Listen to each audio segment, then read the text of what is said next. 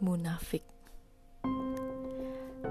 Manusia itu ada dalam lingkup kemasyarakatan, memiliki sebuah kejadian dan kenangan dalam bentuk sosial maupun percintaan.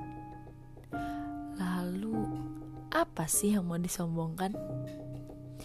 Seolah kita hanya hidup sesaat, setelah itu hanya menunggu kiamat dan berakhir di liang lahat. Lalu hanya berharap doa-doa yang terpanjat.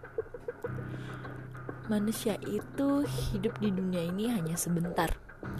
Tapi perebutan kursi DPR begitu menggelegar. Banyak pun aksi-aksi pansos digelar. Merasa paling benar dan hanya untuk tenar.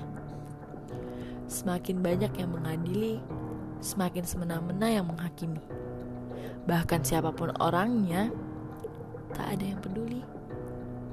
Berakibat iri dan dengki. Setelahnya baru saling hujat, saling tuduh dan tangkap. Setelah itu barulah bermunajat. Pada Tuhan dia menghadap. Terlalu munafik dan tak bermanfaat.